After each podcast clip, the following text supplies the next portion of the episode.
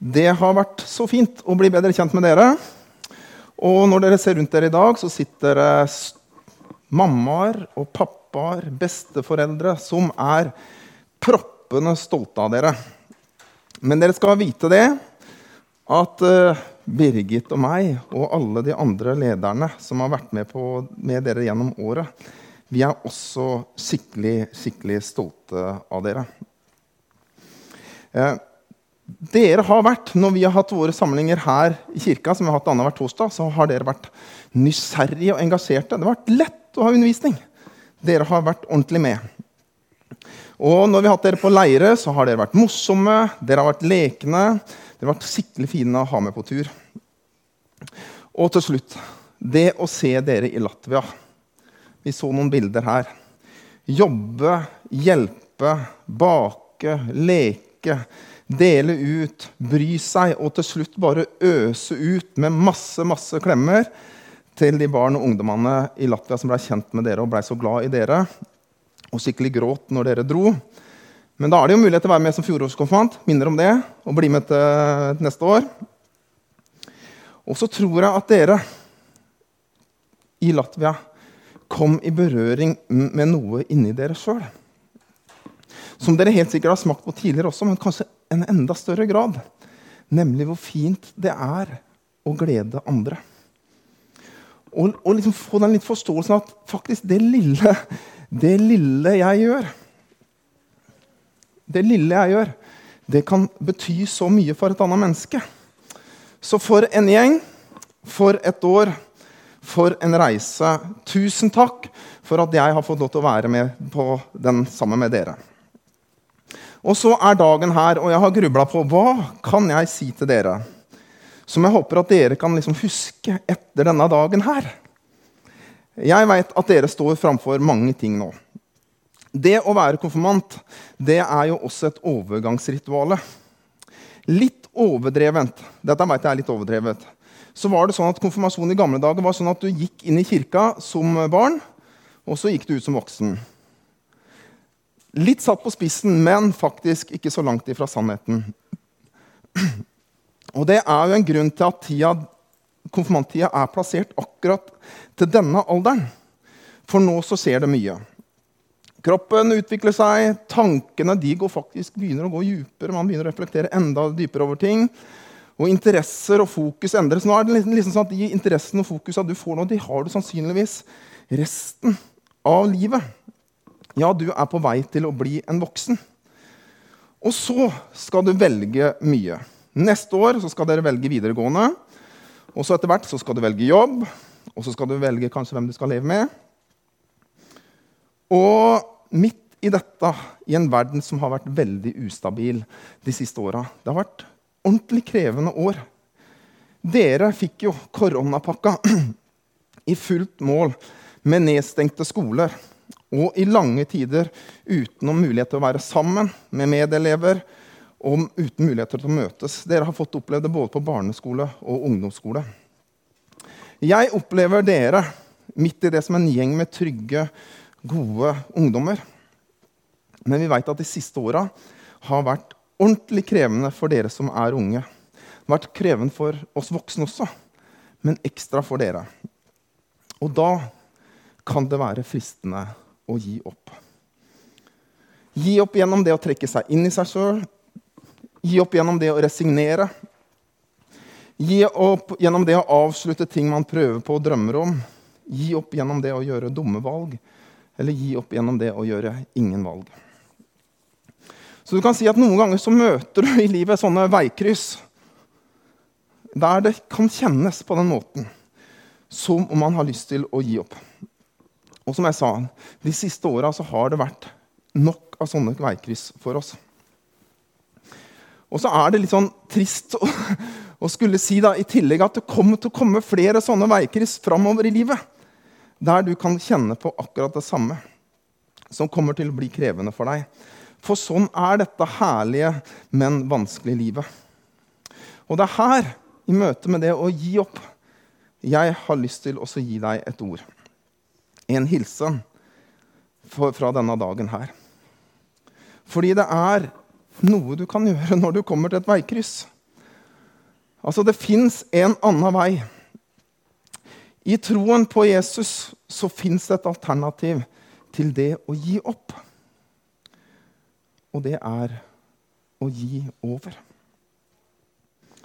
Til å overgi til Jesus dine bekymringer. Jesus sier, 'Kom til meg, alle dere som strever og bærer tunge byrder, og jeg vil gi dere hvile.' Du kan gi han dine planer, for Jesus han sier, 'Jeg veit hvilke tanker jeg har med dere.' Fredstanker og ikke ulykkstanker. Jeg vil gi dere fremtid og håp. Han har en plan for deg. Du kan få lov til å gi over ditt jag etter alt du vil ha. Herren er min hyrde, sier Bibelens mest kjente salme. Jeg mangler ikke noe. Han lar meg ligge i grønne enger. Han leder meg til vann der jeg finner hvile. Du kan få lov til å gi din uro. Jesus sier, 'Fred etterlater jeg dere. Min fred gir jeg dere.' Ikke den fred verden gir. La ikke hjertet bli grepet av angst og motløshet. Ja, du kan få lov til å gi over ditt liv. Jesus sier, 'Se, jeg har tegnet deg i mine hender'. Neste søndag så skal vi ha noe vi, vi skal ha en festsøndag her eh, neste søndag også, faktisk. Da skal vi ha dåpssøndag. Og i dåpshandlingen som vi har her, så demonstreres dette gjennom at dåpskandidaten legger seg over den som døper sine hender. Det er et bilde på at det å tro det er å legge seg i Jesus sine hender og stole på at det han har gjort, og at det han gjør, det holder. I stedet for å gi opp, så gir man det over. Jeg tenker på noen historier fra Bibelen. Jeg tenker på Peter som, som ser Jesus gå på vannet. Og så tar han steget ut av båten tenker jeg må ut til Jesus. Han overgir seg. Han gir det over. Han tråkker ut av båten. Han stoler på at det holder. Eller historien om Sakkeus, tolleren som har tatt så mye penger, og som får møte Jesus. Og når han har møtt Jesus, så sier han hvis jeg har tatt noe, så skal de få, ja, de skal få fire dobbelt tilbake. Han overgir det han har, til Jesus. Eller jeg tenker på Paulus han som forfulgte de kristne. Men som møter Jesus i et sånt kraftig syn, så kraftig at han mister synet for en tid. Og så sier han til Jesus dette store, lille spørsmålet. Ja, hva vil du jeg skal gjøre? Ja, hva vil du jeg skal gjøre nå? Som jeg, jeg har rota rundt nå. Jeg har forsøkt å fikse det sjøl. Jeg trodde at jeg gjorde ting rett. Men alt blei galt. Men Jesus, hva vil du jeg skal gjøre? Jeg overgir meg til deg. For noen år tilbake, i en kirke i Bergen, så kom det inn en dame. En av lederne der han heter Arne, og jeg har både møtt han og pastoren hans og andre vitner på denne historien. Så det er ikke en sånn vandrerhistorie som har blitt så veldig mye annerledes gjennom, men jeg har møtt dem, de som kan bevitne dette her. Det er sånn at På denne, denne gudstjenesten som Arne er på, så kommer det en dame inn døra. Og så ser Arne for seg et bilde foran et bilde inn i tankene sine. Av en halv kleshenger. Så opplever han det som om det er Gud som har lyst til å si noe til denne dama. Så han går bort til denne dama og så sier han sånn Du, hei, mitt navn er Arne. Jeg er en av lederne i kirka her. Og jeg fikk et bilde i tanken min når du kom inn døra. Og det var av en halv kleshenger. Og jeg fikk det for meg at du opplever livet ditt sånn. At du forsøker å rydde ting opp, men det bare faller sammen og blir rotete. Jeg tror Gud vil gi deg den andre halvdelen av kleshengeren. Det som skjer, det er denne dama bare drar rett ut av døra og forsvinner. Og Arne blir stående tilbake og lurer på om han gikk jeg over streken. Men så går det noen minutter, og så kommer dama inn igjen og går bort til Arne, og så sier hun Du sønner, Min søster går her i kirka. Og I går så var jeg hos henne, og vi snakka sammen. Og så sa jeg til henne du, du har, du har så orden på livet ditt, du. Men jeg Alt er bare kaos. Uansett hva jeg forsøker på, så er det som å forsøke å henge klær på en halv kleshenger. Det blir bare rot. Så sier hun, så når du sa dette til meg, så gikk jeg ut i bilen, og så ga jeg mitt liv til Jesus.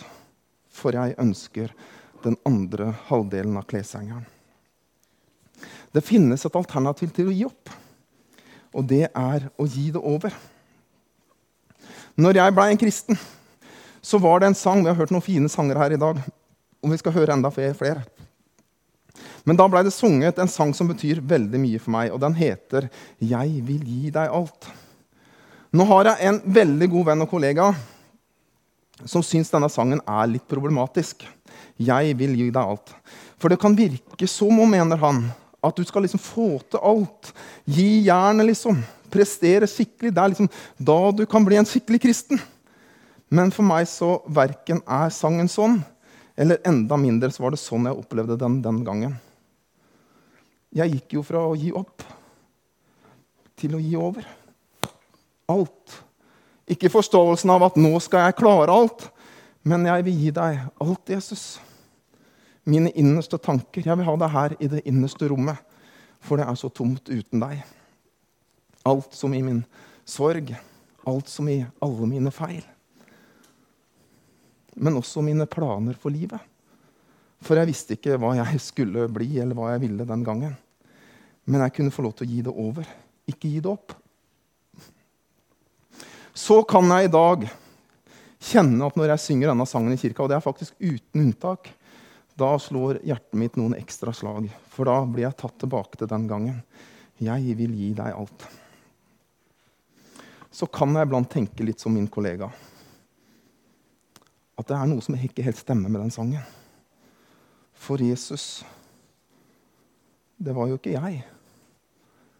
Men det var jo du som ga meg alt. Kjære konfirmanter. Og alle dere andre foreldre, besteforeldre. Jeg ønsker og håper at dere kan ta med dere dette inn i livet som ligger foran. Kanskje du har kjent på det allerede. Ønsket om å gi opp. Eller kanskje der framme så vil du møte noe som fører til akkurat det. Da håper jeg at du skal ta med deg akkurat dette. Det finnes et alternativ til å gi opp, og det er å gi det over.